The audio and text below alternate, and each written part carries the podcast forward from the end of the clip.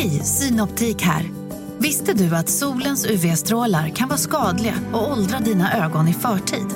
Kom in till oss så hjälper vi dig att hitta rätt solglasögon som skyddar dina ögon. Välkommen till Synoptik. Demideck presenterar Fasadcharader. Dörrklockan. Du ska gå in där. Polis? Effektar? Nej, tennis tror jag. Pingvin. Alltså jag fattar inte att ni inte ser. Va? Nymålat. Men det var många år sedan vi målade. Demideckare målar gärna, men inte så ofta. Hej och välkomna till ännu ett fullmatat härligt avsnitt av Billgren Wood. Det är jag som är Elsa Billgren. Och jag heter Sofia Wood. Och i dagens podd så tänkte vi prata om någonting riktigt glittrigt och härligt, nämligen smycken. Mm. Varför är smycken så himla hett just nu? Känns nästan som man är mer sugen på det än på skor och väskor. Vad ska man investera i egentligen? Mm. Och vem av oss två är mest skata? Välkomna!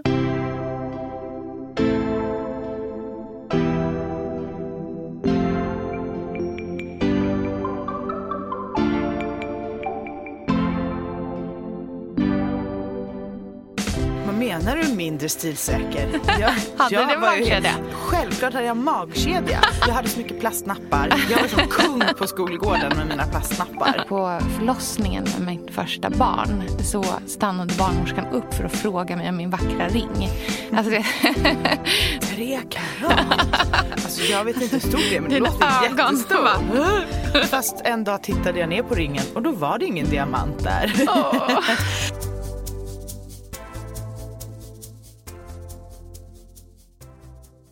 När jag tänker på smycken så tycker jag att det finns eh, någonting som är lite förtrollat som ligger kring dem. Mm, skattkistan. Ja, verkligen.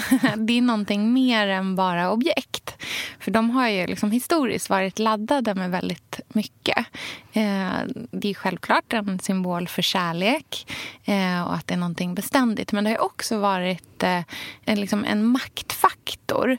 Och framförallt för kvinnor har det ju varit det. Jag tänker mycket på silver som man har tagit med sig in i ett äktenskap som fortsätter att vara kvinnans även efter ifall en man har gått bort eller om man blir lämnad. Eh, och att det har varit någonting som liksom kvinnan har fått, fått äga och fått behålla. Och det är ju väldigt långt ifrån vår verklighet idag. Men det finns ju väldigt många liksom, klassiska eh, kärleksskildringar eller väldigt så här, dramatiska händelser där det ofta är smycken som är inblandade i historien. Och det är ju även om liksom så ringen jag bär på mitt finger eller halsbandet du har runt din hals eh, inte har varit en del av en sån liksom, dramatisk historia eh, så är det ju ändå laddat med alla de här liksom, fantastiska eh, historierna som finns. Eh, eh jag tänker på allt från kejsar Neros eh, kamé eh, till eh, liksom, ja, men alla historier som man har läst om Elizabeth Taylor och hennes otroliga diamantsmyckessamling av män som har älskat henne under åren. Liksom. eh, men vad har du för relation till smycken själv? Ja, alltså jag har ju aldrig varit en smyckestyp. Mm. Även om jag älskar allt som glittrar och glimmar. Men jag har en farmor som är en riktig smyckesfantast. Så ända sedan jag var väldigt liten så har hon, när jag varit hemma hos henne, mm. varit så här... Ah, följ med mig nu här Elsa. Fast med tysk brytning Eller på tyska egentligen. Mm. Eh, och så liksom visat sitt smyckeskrin och liksom tagit fram de här eh, safirörhängena med matchande ring väldigt så varsamt och mm. visat. Mm. Vi har räknat stenar och det har alltid varit liksom matchande finsmycken. Mm. Och min farmor var ju krigsbarn under mm. andra världskriget så hon har liksom en väldigt speciell relation till värdefulla ting. Mm. Hon fick ju fly från Emden till Dresden till fots mm. och sen tillbaka eftersom det var inte så bra läge att vara i Dresden. Mm. Eh, så att hon gick till fots och då kunde man liksom inte ta med sig så mycket grejer. Hon var ju bara ett barn. Mm. Så smycken har, och liksom små värdefulla ting har alltid varit någonting som hon liksom verkligen värnat om och brytt sig om. Så när jag var 19 år eh, så minns jag så himla bra att hon tog fram en liten sammetspåse i blått och gav mm. till mig. Och då tittade jag där i och där i låg en diamantring. Och det var en art deco-ring. Mm som hon hade fått när hon precis kom till Sverige någon gång på sent 40-tal, tidigt 50-tal. Eh, men det var en antikring då. Av en så här, supermusklig Stockholmsmoppe eller så här, mo- motorcykelknutte som hade blivit jättekär i henne. Så den hade hon fått av honom och så hade hon sparat den. Och när jag blev 19 så eh, gav hon den till mig och sa att så här, nu är den din. Och jag hade den i en låda. Eh, och när jag var 23 på nyårsafton så friade ju Pontus till mig Ja. eh, utan ring. Ja. Och sen när jag kom hem på natten så tog jag fram den där lilla sammetspåsen och liksom trädde på ringen på mitt eget finger. Och det kändes så himla fint att det fanns en historia, Ja. eh, en kärlekshistoria i den. Gud, vad härligt. Hur är din relation rörd. till smycken då, Sofia? Du känns som en sån som verkligen älskar smycken och har Mm. mycket smycken och kan mycket om smycken också. Eh, ja, men jag har nog alltid älskat smycken. Jag är ju liksom romantiker at heart på något sätt. Eh, och eh, har ju alltid tyckt att, ja, men att det, det liksom, det tilltalar mig på något sätt. Det är inte så att eh, det nödvändigtvis är det glittrigaste eller de största stenarna eller liksom de så här flådigaste smyckena som tilltalar mig. Utan det är nog snarare liksom, men just så här historierna som är länkade till dem.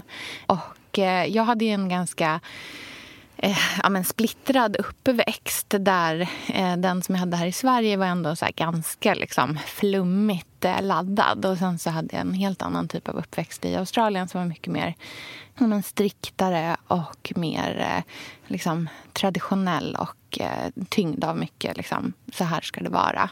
Och, och liksom, min uppväxt i Australien. Och där har det alltid funnits liksom, mycket kvinnor som har varit rassliga. Liksom. Så det rasslar om Älskar dem. rassliga kvinnor. Älskar också rassliga kvinnor. Men, men det kan jag kanske inte haft så himla liksom, så här, positiv koppling till då i alla fall. För det var, liksom, ja, det var ganska komplicerat. Men här hemma så, så liksom, ja, jag, det känns som jag nämnt det tusen gånger, men jag gick ju på Waldorfskola. eh, och det är en väldigt så här, det är inte en miljö där man bara, mm, gud vilka vackra smycken du bär. Utan där är det verkligen så här, eh, åh, titta på den här kopparstaven som vi kan kasta till varandra fram och tillbaka och dansa i rytmi. Eh, så där kändes det ändå väldigt så här, ja, men, som någonting man liksom suktade efter och drömde om. Och jag har alltid så älskat historia. Och, och då har det liksom, ja, men då har det varit mycket så jag tänkt, liksom funderat mycket på så här smycken genom tiderna och lärt mig mycket om det. Jag har faktiskt också en så här, eh, romantisk berättelse om min mans ring.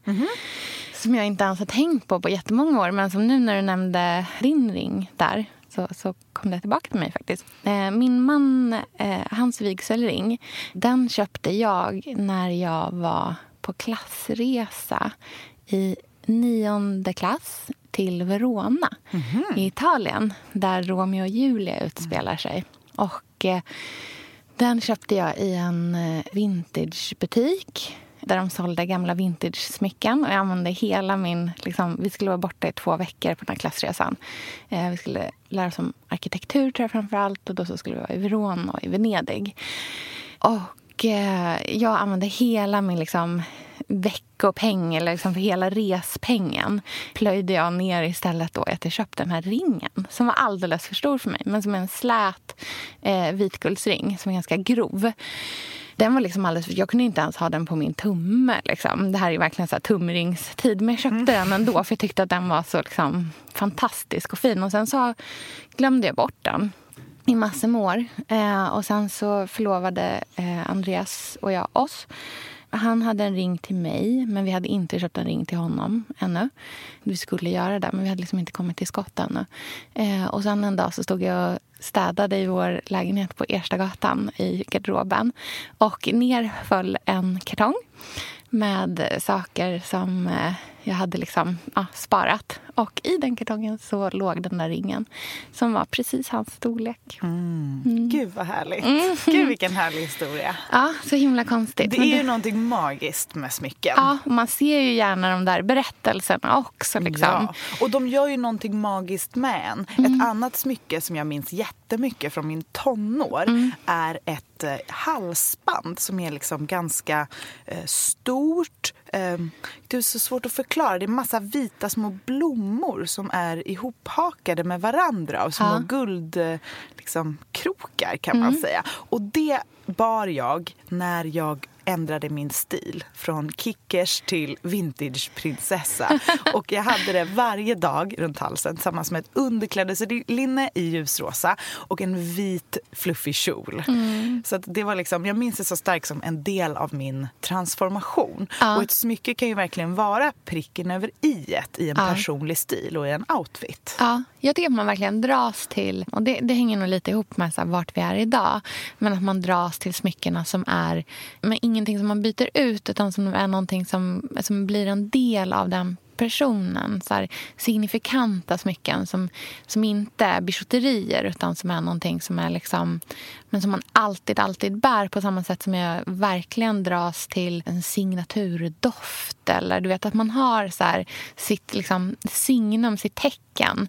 Eh, och där är ju smycken fantastiskt på det sättet. Att det verkligen kan vara de här sakerna som man har liksom, år efter år och eh, som blir en del av en som person. Liksom.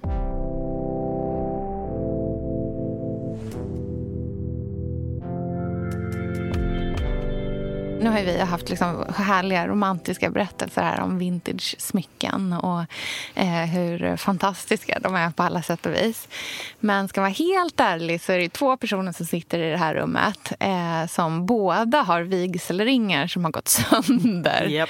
Japp. Det är ju nackdelen med att köpa vintage-smycken. Ja. Din sten ramlade Ja, ut, eller det hur var känns det? så sorgligt att jag berättar den här härliga romantiska historien och sen bara Ja, fast en dag tittade jag ner på ringen och då var det ingen diamant där. så så den var helt tom. Det var som ett svart, mörkt, hemskt hål rakt i min farmors kärleksring. Ja. Eh, och då fanns det ju massa olika val, kände jag. Hittade du stenen? Eller? Nej, jag, gjorde, jag hade ingen aning om vad den var. Men då kunde jag ju liksom gå till en juvelerare, kanske Ja. man säger, och få en ny sten Ja. inmonterad. Men då kände jag så här, nej. Nu är den här historien på den här ringen behöver ta sig en liten paus. Nu behöver jag en ny, en ny fortsättning på den här vigselringshistorien. Ja. Så då bestämde Pontus och jag, som precis hade fått vår son, och det var väldigt så här mysigt, man hängde runt på gatan på dagarna med vagn, hade det härligt, eh, att vi skulle liksom matcha in hans sovtid och gå ner till Kaplans på Biblioteksgatan som är en eh, butik där man kan köpa, eller köpa på auktion, gamla ringar och andra smycken och sånt. Och då gick vi dit och skulle liksom titta på en ny vigselring tillsammans. Och så hittade jag en som jag tyckte var väldigt klassisk, lite mer modern kanske än den andra. Lite större diamant. lite lyxigare. Du har också en Ehm, skata i dig, jag inte bara liten, jag. Ja, alltså man får välja mellan en liten och stor diamant. Ja. Eh, Så eh, då slog vi till på den och sen så köpte vi oss varsitt glas champagne och satte oss ute. Mm. Det var en härlig liksom, september, tidig septemberdag. Ja. Och bara skålade i den och hade vår nyförlovning under Ja. en liten lunch. Så Lite det var väldigt romantiskt. mysigt. Ja. Ja. Men på tal om storlek på diamanter. Mitt bästa smyckesköp som jag någonsin har gjort Mm. gjorde jag när jag var tonåring. Mhm. Men inte till mig själv. Nähä. Nej, jag har ju en stora syster som heter Andrea som är nio år äldre. Som jag alltid har sett upp till så otroligt mycket Mm. eftersom hon är nio år äldre. Det är en sån där magisk siffra att när hon liksom skulle träffa killar och åka moppe så fick jag liksom stå kvar och vid grinden och liksom Ja. gråta lite och se henne så här, ta sig an livet och ha det härligt. Och jag tror att det var hennes 18-årsdag, eller det var någon Mm. speciell födelsedag. Eh, vilket gör att jag inte var särskilt gammal. Ja. Eh, jag kommer ihåg att jag gick till, jag kan, kan ju inte ha varit själv då, men jag gick i alla fall till en liten smyckesaffär i Gamla stan och gick in och ville liksom köpa henne en diamantring. För det var Nej. det finaste jag kunde komma på att man kan ge till en person i Ja. present. Så då tittade jag, men jag hade inte så mycket pengar. Så det blev en sån liten diamant Ja. att den knappt gick att se. Ja. Men den var ändå i en så tunn, tunn eh, vitt guld Mm. ring. Supertunn med en pytteliten diamant. Och så fick hon den. Och jag minns liksom inte, jag var så glad för jag kände så här, jag har gett min syster en diamantring. Ja. Men hon var ju liksom, ja hon var väl 18 då eller 20, jag minns Ja. inte exakt. Kanske inte superimponerad av den här diamanten som man typ behövde ha ett förstoringsglas för att se. Ja. Men sen, några år senare, så åkte den på igen. Och Ja. sen dess har hon haft den på fingret och tycker att det är den finaste, sötaste, Ja. liksom hetaste ringen som hon har i hela sin smyckesgarderob. Och hon får alltid så mycket frågor. Så jag måste varit liksom steget före där Ja. tror jag. Ja. Men så det är en väldigt härlig historia på det sättet. Så det finns ändå väldigt mycket kärlek i den ringen. Åh, gud vad fint. Vad härligt. Min eh, förlovningsring som vi förlovade oss med, den bär jag faktiskt inte. För den är, den är väldigt glittrig och väldigt stor i stenen. Eh, Så jag känner mig inte så bekväm med Hur den många till vardags. karat? Eh, Tre. Tre karat?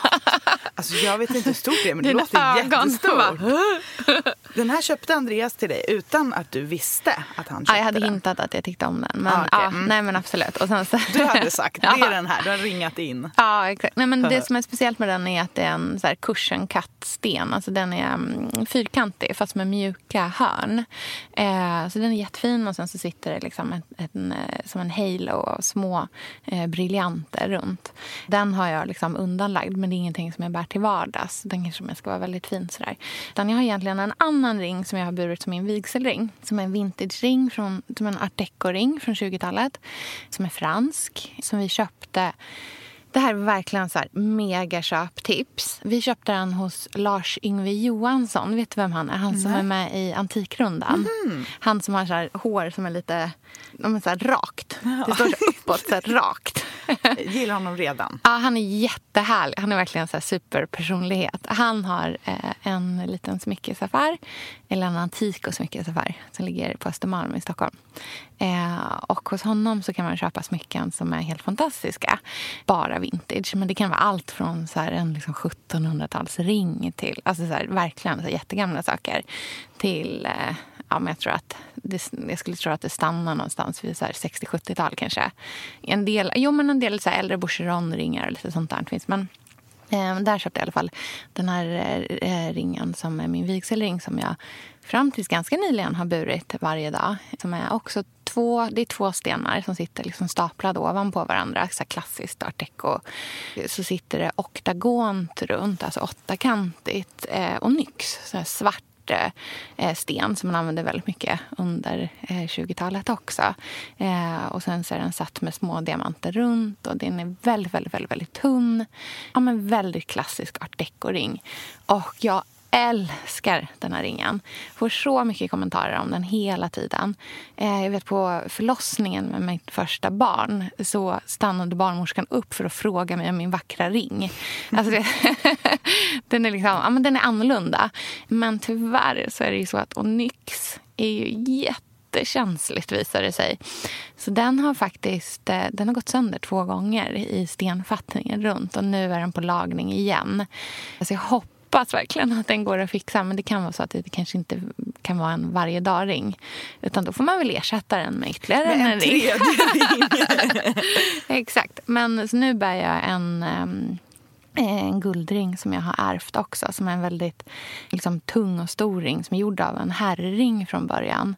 Och som har gjutits om till en ring med en stor eh, ametist i. Det är den som man kan höra skramla här i podden ibland i bakgrunden. Eh, och ametist är min eh, så här, birthstone. Så det har jag alltid tyckt känns lite härligt också. Så från tre karat Ja. till onyx som Ja. går sönder Ja. till en, En ametist, chunky guldring. med din månadssten. Det är härligt.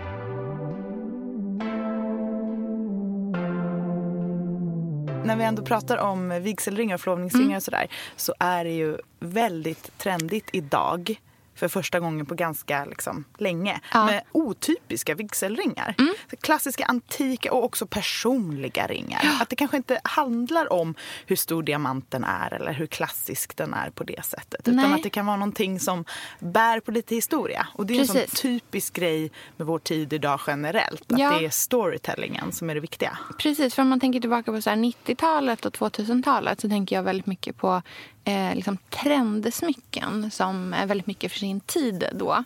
Det här är inte för att jag själv tyckte att det var så otroligt fantastiskt men jag minns så väldigt, väldigt väl på 90-talet eh, Pernilla Wiberg, ni vet hon skidstjärnan. Mm. Hon hade en smyckeskollektion mm. som hon släppte som i alla fall i Norrköping som jag kommer ifrån var the shit. Mm. Eh, som såg ut som en, så här, en slalom, ja, men så här, skidor som hade kört i slalom och så längst ner så var det en liten diamant. Mm. som typ såldes på tv-shop eller något sånt där. Det är verkligen så här, för mig det, ett väldigt tydligt 90-tals eh, eh, smycke. Men, och det är också så att så här, nu, nu har vi pratat här om liksom så här, äkta smycken, alltså så här, guld och diamanter och riktiga stenar och sånt där. Men 90-talet är också väldigt mycket liksom, bijouterier. Jag mm. tänker på allt från plastnappshalsbanden. Hade du såna? Jag hade så mycket plastnappar. Jag var som kung på skolgården med mina plastnappar. det var liksom som de nya så kulorna. Bara hur många kulor har jag? Glömde. Kolla hur många nappar jag har runt halsen. Det var så konstigt. Otroligt. Men sen om man ska liksom så här, ett, det är liksom ikoniska 90-2000-talsmycket. Det måste väl ändå vara Carrie-halsbandet? Ja, Carrie-halsbandet. Mm. Som i, i det sista avsnittet. Ja, ja, precis de där sista två mm. där. Ja. Som på något sätt får vara en symbol för, för liksom hela Carries egenvärde och identitet. Mm. Mm. Har du haft några sådana namnhalsband? Nej, jag har inte haft några namnhalsband. Men jag minns hur viktigt det var med kompishjärtarna ja. när jag var liten. Ja. Det var liksom symbolen på att man hade en bästis. Mm. Men ett annat smycke som var väldigt liksom, stilbildande på den här mm. tiden måste ju ändå ha varit Titanic-halsbandet. Heart of the Ocean. Ja. Den enorma safiren ja. i diamantinfattning. Riktigt jäkla megastor juvel som liksom satte standard för hur smycken skulle vara. Ja, det, det satte ju verkligen igång en, en lång period där man liksom, eh, självklart då inte i äkta stenar, men i bijouterier bar de här enorma halsbanden. Det blev sån jätte jättetrend. Men man tänker mer så här, trendmässigt också. Så här, efter hela det här liksom väldigt romantiska, jag tänker så här, carrot-smycket och sådär. I Sverige, eller i Skandinavien i alla fall, så såg vi även under 2000-talet en väldigt så här, eh, trenduppgång av lite hårdare, lite tuffa smycken. Eh, som var ganska geometriska, ofta stora statement pieces. Jag tänker på David och Martin Martin mm. som gjorde den här eh, kycklingfoten ja, bland annat. Gud, ja. Mycket silver. Ja, jag hade ett halsband med den här kycklingfoten. Som... De som inte förstår vad vi pratar om måste tycka att man är helt galen. ja, nej, men David och Martin var ju ett svenskt varumärke som var jättestort under liksom, tidigt, mitten på 2000-talet. De, de blev väldigt kända för den här kycklingfoten som jag tror var någonting de hade sett när de var i Shanghai eller något sånt där. Där man ju, ja, i Kina så äter man ju kycklingfötter. Som egentligen, det ser ut som en riktig, en, en död kycklingfot som har doppats i silver eller guld fanns den i också.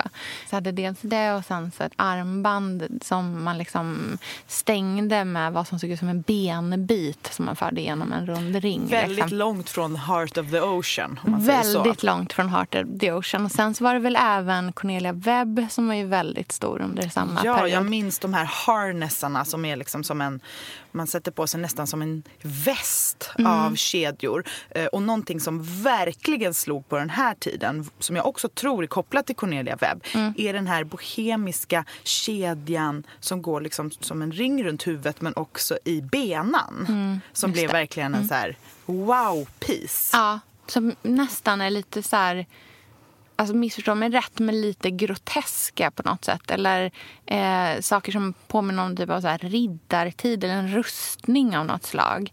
Eh, inte alls det här liksom romantiska, utan mycket, mycket, mycket tyngre. Mm. Som med alla trender så kommer det snabbt en motreaktion på allting. Eh, och och eh, strax därefter så tar liksom boho-trenden över oss totalt.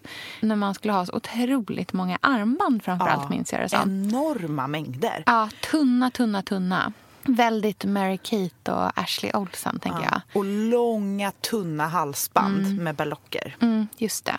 Eh, och för den som kanske var lite mindre stilsäker så var väl även magkedjan jättestor under den här tiden. Vad menar du mindre stilsäker? Jag, Hade jag du var ju- magkedja? Självklart hade jag magkedja. Det här är ju på samma tid som man klippte av linningen på jeansen så att det skulle bli så här fransigt. Så då måste man ju liksom ha någonting snyggt som man kan ha.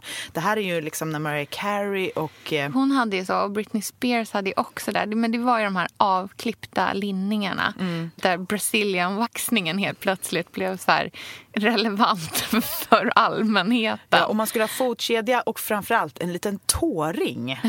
En liten tåring. Gud. Är det samtidigt som man så här, med helt så här, total cultural appropriation även bär en bindi? Ja, ja. Ja, fast bara det är ju är man ju fortfarande, fast bara på Gagnef. Usch, det är så hemskt.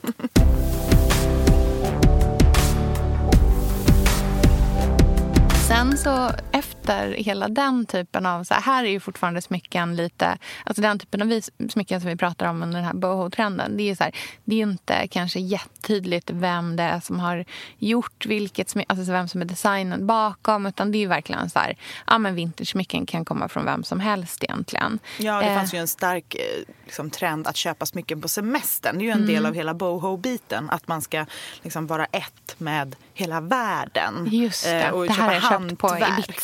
Mm. Precis. Och där magen verkligen var i fokus. Det var så Ja. mycket mage på den här Ja. tiden. Jag ser inte en mage någonsin idag. Det kanske är för att jag blivit gammal. Jag vet inte. Men magen var liksom ett ställe att smycka.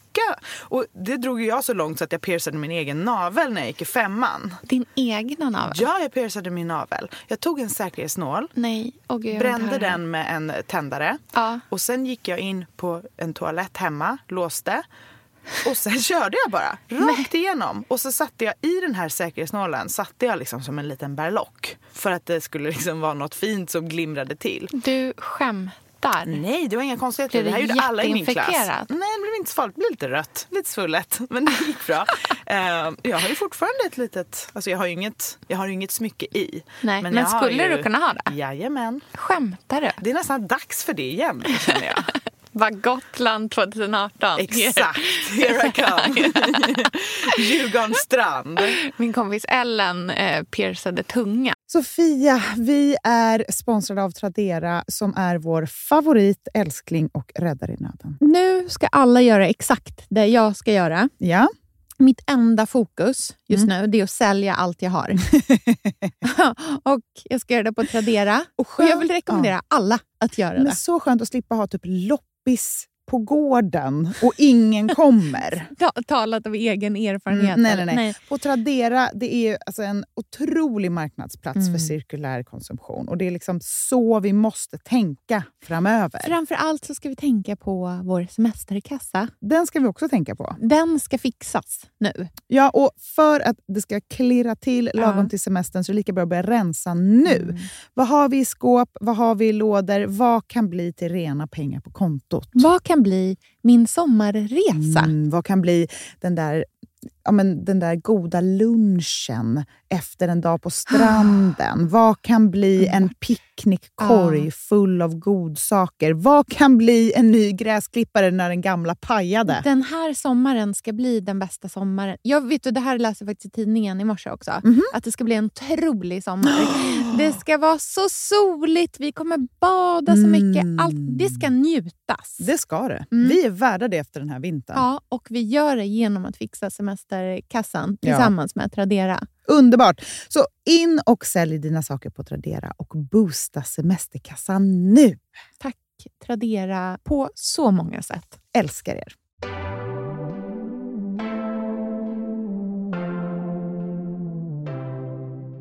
Utan att hon, att hon fick inte göra Men det. hon gjorde det inte själv. Nej, jag tror att Nej. hon gick och gjorde det hos någon, liksom, du vet, någon snubbe i Lerum. Typ, Ja, så mm. Eh, och det blev mega infekterat. Nej. Då skulle hon inte berätta för sin mamma och pappa. Men hade liksom, bara... alltså, du vet, så svullen som hennes tunga var. Alltså, men du vet när man så här bara, nej jag har inte. Ja, Det är så jävla herregud hemskt när jag alltså. tänker på det. Sen tror jag att hon satte in en, eh, Eh, det här är jag som person som är marknadschef på Hope idag är väldigt så här, stilsäker i övrigt. Men hon, nu outar jag dig, Ellen, här, men jag vet ju att du faktiskt har haft eh, så brittiska flaggan i tungringskula i munnen. Det är så otippat, eller hur? Ja, fast det är inte det. Jag bara tänker så här, tänk dig det med en så här rutig oversized kavaj idag. Jag tror det här var mer någon både England och var typ lajvare. Liksom. Fantastiskt. Jag Ja, gillar henne härligt. ännu mer nu. Eller hur? Men det roliga, efter den här bohemiska trenden, som Ja. så mycket tunna smycken. Det var så mycket tunna, långa kedjor. Mm. Man hade kunnat gå till någon järnaffär och bara köpa 40 meter supertunn kedja och bara lindat in hela kroppen i den här Ja. kedjan. Men då kommer det ju en reaktion med att man kanske vill ha någonting med lite mer kvalitet. Så efter det tycker jag att man börjar se lite så här lyxigare smycken hos eh, modevaruhusen. Mm. Jag minns framför allt ett smycke som verkligen kom och var så här wow och slog igenom och blev jättestort. Mm. Och det är den här YSL-ringen. Just det. En så här ganska chunky ring. Väldigt chunky. Med en stor sten Ja. i, som har lite så här melerat sken. Det ser typ ut som en opal eller någonting sånt åt det Den hållet. har ju säkert ett namn. Vi lägger Ja. ju upp en bild på den här på Instagram. Absolut. Och Det är en, som en oval sten och sen så är det som jättemycket guld som växer på ett så asymmetriskt sätt upp runt Precis. den. Det var det första smycket som var lite asymmetriskt och lite liksom levande. Det skulle Ja. se ut som att man hade typ tagit en hacka och bara gått rakt in i någon bergvägg och tagit fram den här juvelen och bara satt den på fingret. Ja. Och det var ju ganska långt från det här tunna, smala hängsmyckena. Och Mm. det var liksom någonting väldigt stort och ögonfallande. Jo, verkligen. Och det är samma med så här, alltså andra klassiska liksom, smycken som kommer från, mer från modevarumärken. Det är ju väldigt lätt att gå till Chanel såklart.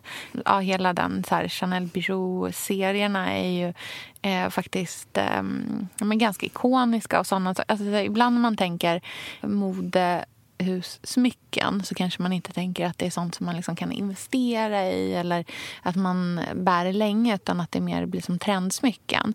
Men just med Chanels smycken så har ju de ett otroligt liksom fint värde på så andrahandsmarknaden också. Eh, Det är ju väldigt välgjorda smycken även fast att det kanske inte är gjort av en juvelerare. Nu har Chanel också en liksom sån fine jewelry-serie.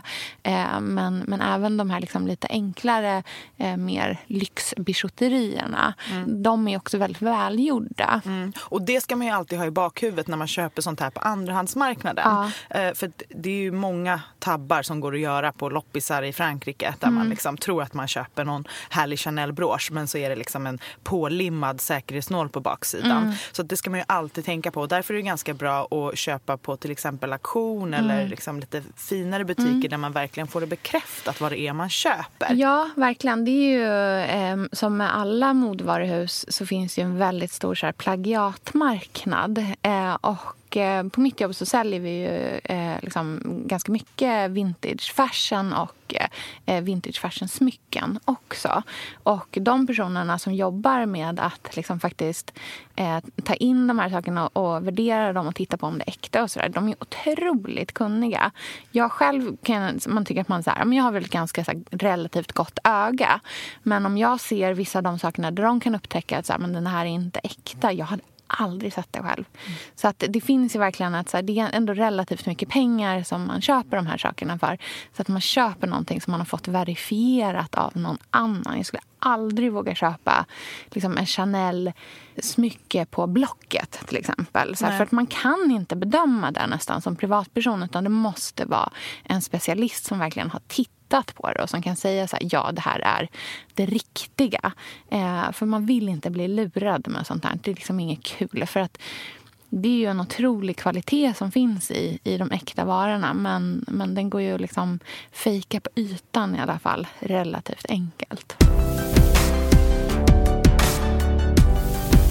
Ska prata om hur smyckestrenden ser ut nu Mm. så tycker jag att det finns en trend som är otroligt stark. Den har varit det ett tag men den håller verkligen i sig. Mm. Och det är den här, det som jag kallar för other stories-trenden. Det är så här supertunt, superfint, väldigt elegant Mm. och liksom inte statement alls. Nej, lite cleanare tänker du? Väldigt cleant, Ja. men gärna för många hål i örat till exempel. Just det. Och Ja. lite udda.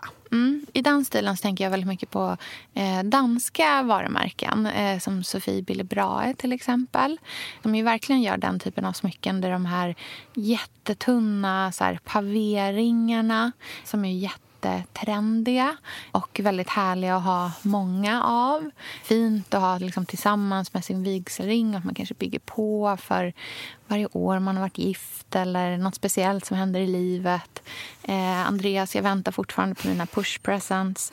eh, Nej, men just de här liksom pavé-diamanterna eh, när det, är så att det sitter jättetätt och såna eternity-ringar och sådär. Mm. Men också de här liksom pärlörhängena som man bara har, som kanske är som på en stav och så har man bara i ena örat. Mm. Det är ju väldigt mycket nu ja. också. Och sen finns det ju en parallell trend som är precis tvärt emot. Mm. Som är liksom totalt crazy, artsy, enormt. Ja. Och liksom statement deluxe. Mer mm. statement än vad vi någonsin har sett. Mm, lekfullt. Tänk, väldigt lekfullt. Jag tänker på liksom enorma plastbananer i öronen. Ja. Eller liksom en snirkligt ansiktssilhuett. Som man mm. har i örat. Någonting stort och liksom knasigt. Och mycket strass. Mm. Jättemycket strass. Men du, vi ska ju faktiskt ha en gäst i dagens avsnitt. Ja. Och hon är ju en fantastisk version när det kommer till smycken. Ja. Och för mig så förkroppsar hon verkligen den här trenden som du pratar om med de här lekfulla artsy smyckena. Ja, men som man verkligen som tillför någonting till en hel look. Vi ska träffa Linn Eklund.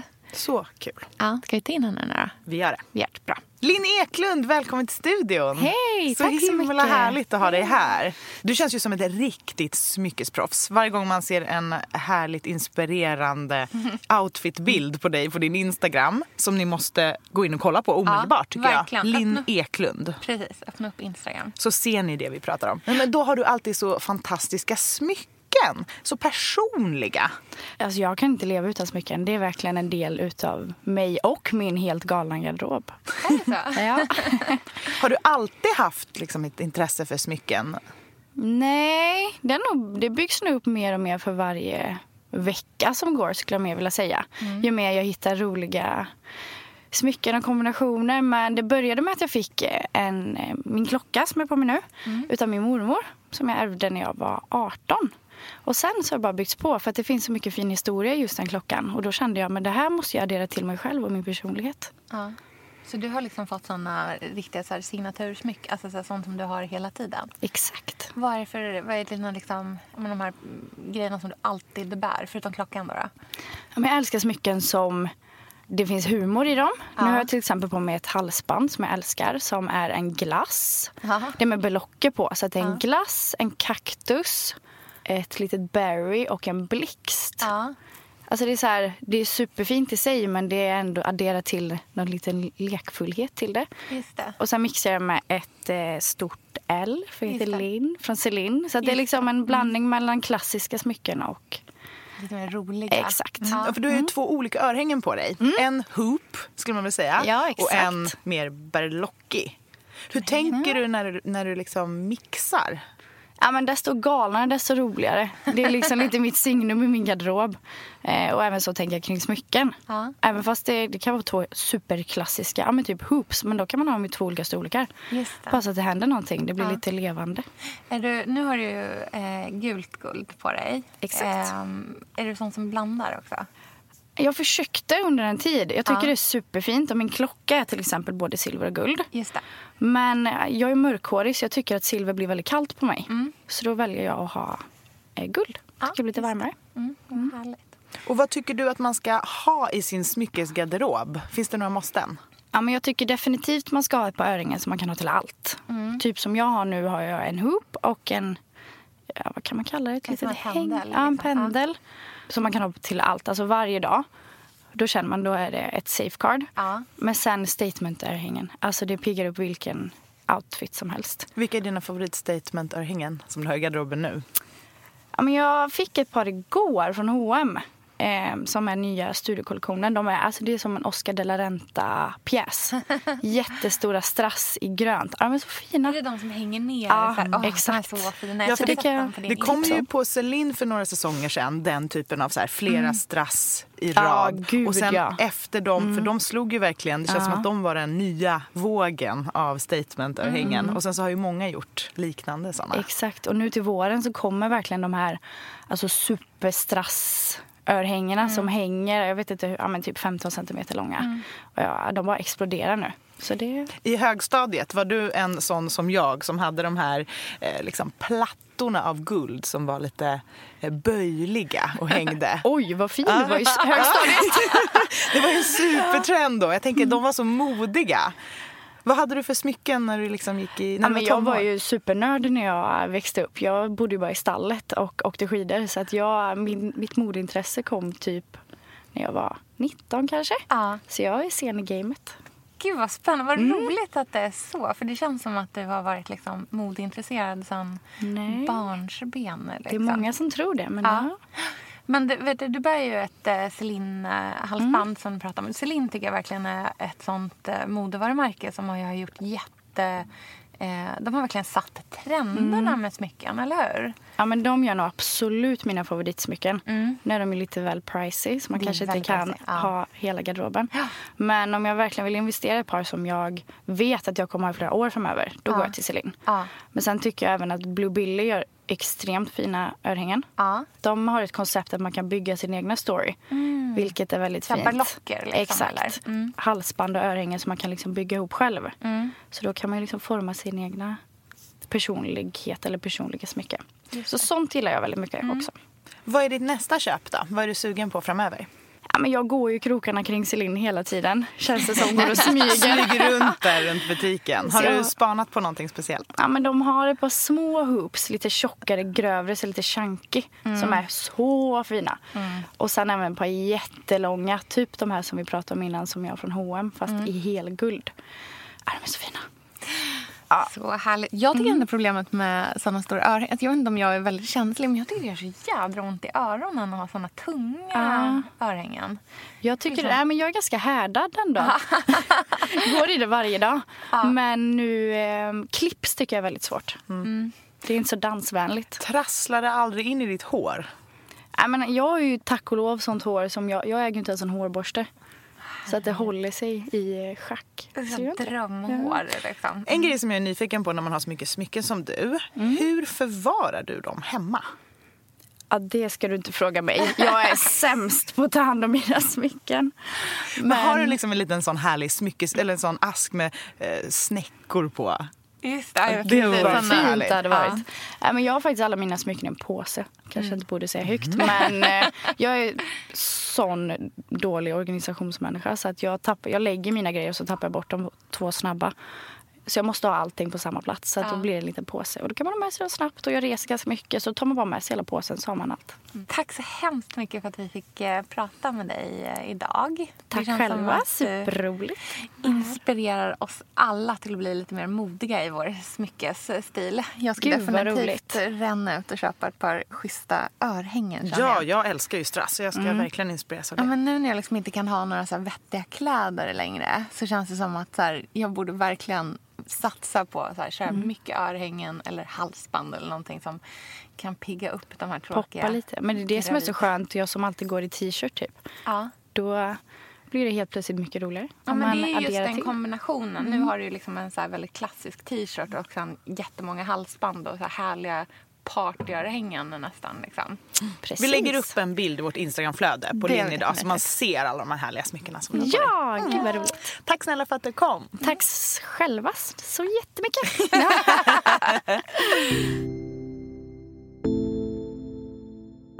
Men du Elsa, om eh, vi ska trendspana framåt.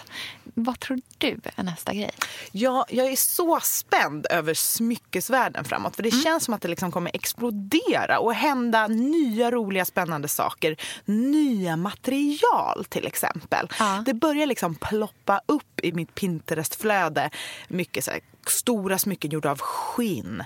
Och så här, terrasso är ju till exempel ett material som är jättetrendigt i inredning. Mm. Kan Jag inte har- du förklara hur terrasso ser Jo, ut? men det är väl inte vet? någon form av liksom stenkomposit. Mm. Jag är inte supermaterialkunnig så, men det ser i alla fall ut som det. Och så är det väldigt färgstarkt och liksom väldigt mycket småsten i olika färger. Just det. Eh, Mm. det är väldigt 70-tal, väldigt polerat, otroligt italienskt. Mm. Så att jag har sett mycket såna smycken som är liksom gjorda av ett sånt material. Mm. Jag kan tänka mig marmorsmycken, andra former av stenar. Också väldigt opolerat. Bara Mm. enkla små gråsten kanske, eller någonting annat väldigt så här, naturnära. Just det, jag tänker lite som det amerikanska varumärket CVC Stones. Som ju är, de gör ju alltså Alltså, mm, men, vad som ser ut som sjösten egentligen. Såna liksom klassiska, bara såna som man kastar macka med. Men sen så är de det insprängda guldinfattade diamanter som hänger i de här sten... Jag tror vi får lägga upp en bild Ja, på vi det upp också en bild.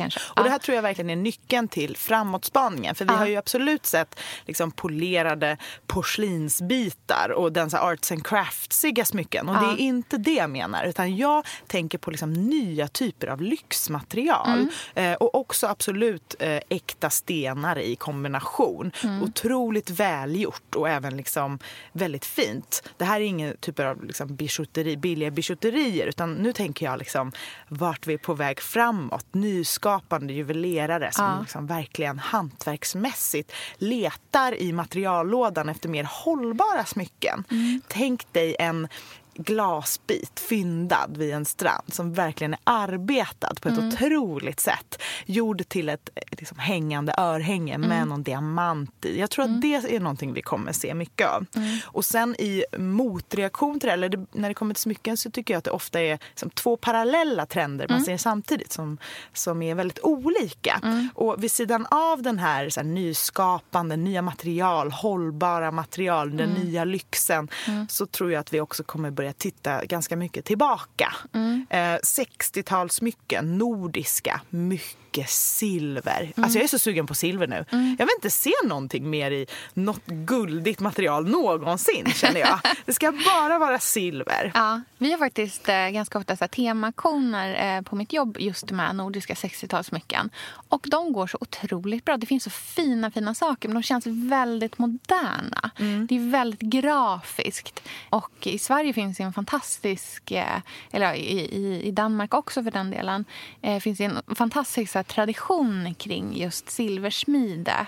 Eh, som ju var eh, otroligt stort just på 60-talet. Så det är väldigt intressant att du har gjort den spaningen tycker jag. Ja, jag tror också att man faktiskt kan fynda rätt bra silver Ja. fortfarande också om man har ögat med Absolut. sig. Det är någonting, köp en bok som handlar om silver och silverstämplar. Researcha lite och sen gå på lite bättre liksom, loppisar också och verkligen vänd och vrid och ta med den här lilla luppen. det är så härligt. För det, det vet jag till exempel att min syster har börjat. Hon har blivit som silverbesatt de senaste åren eh, och verkligen lärt sig mycket och gör så otroligt mycket fynd. Eh, Så det är ju verkligen någonting som kan vara bra att investera i nu tror jag. Mm, tror jag också. Du då Sofia, vad är du sugen på framåt? Vad tror du kommer hända med smyckestrenden? Eh, ja, men, eh, jag håller med dig till viss del. Och Sen så ser jag en helt annan look också som jag verkligen tror på framåt. Jag är definitivt med dig på vad du säger med liksom, alternativa material och framför allt att man kanske väljer alternativa material ur ett så här, hållbarhetsperspektiv. Eh, och Det finns ju också en väldigt stor diskussion eh, i liksom, juvelbranschen just kring så här, etiska diamanter, återanvända diamanter, vilken typ av diamanter man kan använda. Vi har ju sett en jättestor boom av liksom mer så här gråa diamanter och svarta diamanter. Sånt som man tidigare kanske tänkt inte alls är lika fint men att de verkligen sätts i så en fin kontext nu. Eh, jag tycker att man sett framförallt i USA mycket eh, ringar där man liksom gör vigselringar av så diamond chips. Liksom, sånt som egentligen är spillmaterial som kanske skulle ha gått till industri, eh, diamant, liksom, ja, men att man, som man använder i, i maskiner och i slipar och sånt. Men att man liksom gör... Det låter så härligt. Det är som Ja. att det finns lite power i de diamanterna. Ja, att de liksom verkligen. visar sin kraft. Ja, precis. Och där tycker jag att man, det är väldigt intressant att man ser det. Att, att det har blivit så eh, trendigt igen. Det är ju en väldigt positiv liksom, utveckling. Men jag ser ju också utifrån samma grundtanke egentligen att man vill så här, ta vara på material och så, så tror jag ju verkligen, verkligen, verkligen på eh, att eh, jag menar, att bära vintage-smycken mycket, mycket mer. Jag tror nästan inte så här, nya smycken känns nästan inte knappt relevant längre. Om det Eh, inte är Celine. mm, verkligen. Men nu pratar jag så här, liksom, äkta smycken. Men jag tror jättemycket på så klassiska varumärken. Eh, Cartier, Boucheron. Mm. Alltså sådana Mm. som verkligen är så här... Som man kanske tidigare tänkt lite så här... Ja, lite tantigt. Ja, kanske. tantsmycken. Ja, tant. Älskar Älskar tantsmycken. tantsmycket också. Och om jag ska säga ett tantsmycke som jag tror på starkare än någonsin så är det lillfingerringen. Alltså statementringen. Ha en Mm. riktig så här, chunky guldring eller liksom diamantringar. Alltså, men att bära dem på lillfingret. Ha hela pensionen på lillfingret. Ja, men typ. Eh, Coco Chanel är väldigt känd. Hon bar inte mycket smycken, men hon bar nästan alltid en lillfingerring och så bar hon fantastiska kaffs eh, också. Alltså arm, tjocka, stora, breda armband som var emaljerade. Eh, och det finns någonting som är så himla så här, men ikoniskt med den looken, tror jag. Men jag tror också på broschens återkomst. Som man tidigare kanske också har tänkt är så här, men lite tantigt. Men det tror jag verkligen så här framåt att så här, bära en polotröja med en brosch på halsen. Förstå vad fint! Eller en stor vacker brosch på utsidan av sin kappa. Och där kan man ju dels kan man ju välja att ha äkta smycken men liksom, om det inte finns inom ens... Alltså vi ska ju verkligen vara medvetna här också om så här, vad har man inom sin räckvidd. Eh, det är inte så att alla kan springa ut och bara nu ska jag köpa diamantring. Alltså, det behöver ju verkligen inte vara så. Det finns ju många bra alternativ också. Eh, men att så här, ja, men bära liksom smycken på ett ganska klassiskt sätt. Och en annan trendspaning som jag har som jag tycker ser, börjar liksom bubbla nu och jag tror jättemycket på framåt det är cool girls in pearls. Alltså tuffa, moderna tjejer som bär pärlor. Vi har ju sett lite så här pärlor i ringar och örhängen men jag tror på återkomsten av pärlhalsbandet. Lite svårt, lite liksom ändå så här, ja, men det är en ganska stor, liksom, man kan ju lätt känna sig väldigt, väldigt konservativ eh, i sina pärlor. Vad ska man ha till sitt pärlhalsband då? Är det en så här grå kashmirtröja? Så härligt. Jag tror på så här, liksom, eh, skulle inte jag ha den här stora magen här nu, så när bebisen har kommit, då är min drömlook eh, stora, vida flanellbyxor, gärna så gubbebyxor med väck fram till. Eh, någon perfekt liten grå kashmirtröja som är så här nätt ändå. Och sen ett eh, pärlhalsband med typ tre, fyra rader på. Så jädra härligt alltså. Jag tror även på pärlchokern. Mm. Återkomst. Lyxigt. Tänk på en så här slipklänning i siden och sen en pärlchoker. Så hett som man ramlar av stolen. Ja. I början av avsnittet så pratade vi om vem är egentligen den mesta skatan av oss två. Och du är ju verkligen liksom kunnig inom smycken skulle jag säga, och med ditt jobb och allt sånt. Och jag har ju aldrig varit smyckesintresserad egentligen. Nej. Men för att ändå ge dig en ärlig chans så tog jag med mig min lilla rassliga låda full med glitter här. Den här har stått här mellan oss. Jag bara, vad är det i lådan? Så jag vill ändå ta fram mina härliga glittriga 50-tals strassmycken. Herregud, för att liksom ge så fina. örhängen. Och sen, här är lite nytt också. Ja. Den här har jag fått av min eh, mormor. Eh, men som vinnande koncept så vill jag ändå visa dig mina Dior från 50-talet. som är ett par Ah, underbara. rosetter. Rosetter som ser ut som de är gjorda i någon så här tunn kedja i princip. De här måste vi ta kort och... Gud så fina. Underbara Mm. De här fick clips. jag i 30-årspresent av eh, min mamma. Just det. Och det här är sådana clips, eller hur? Det här bär är klänningsklämmor och de brukar jag använda i håret. Ja. Eh, och det är ingen trendspaning. Det är bara alltid snyggt. Ja, det tycker jag faktiskt också att de är otroligt fina att bära eh, bara i linningen på Ja, en det är ju så här stickad... urringningen, Ja. en på varje sida som man ska ha de här klänningsklämmorna. Men också jättefint bara en så här tunnstickad tröja och sätta en sån Mm. i, i en rundhalsad. Liksom, Sätta i, i, i linningen. Men man hör ju, vi är väldigt taggade på smycken framöver. Jag hoppas att ni har blivit det också, lite grann. Gud vad härligt det var att prata med dig idag Sofia. Jag känner mig helt glittrig i ögonen. Vad härligt. Jag tyckte också att det var jättekul eh, ämne att prata om. Jag kan säga att jag sitter här och fortsätter pilla med alla dina smycken. Det kanske är du som är det ändå. Kanske det. Glöm inte att följa oss på Instagram. På Instagramkontot Billgrenwood. Där vi lägger upp bilder på sånt som vi pratar om. Och mejla oss på billgrenwoodpodcast.gmail.com. Annars så hörs vi bara nästa vecka. Ja, det gör vi. Ha det så bra. Puss hej! Puss hej.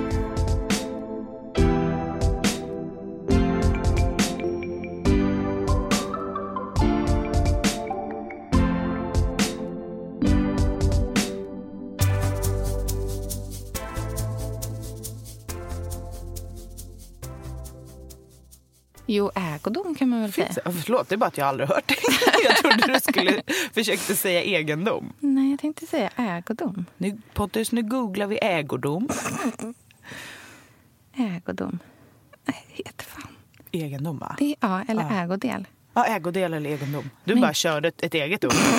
Ja, men då så. Och det är ju skönt för min skull att jag inte stoppade dig för att jag inte kunde ett ord. Ja, verkligen.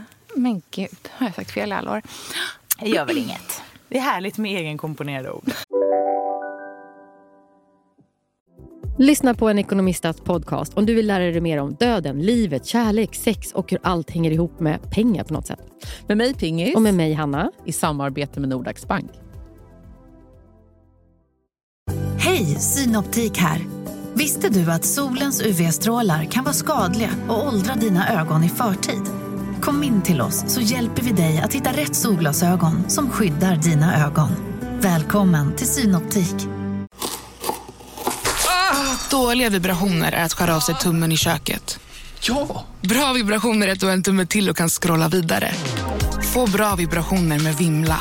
Mobiloperatören med Sveriges nöjdaste kunder enligt SKI.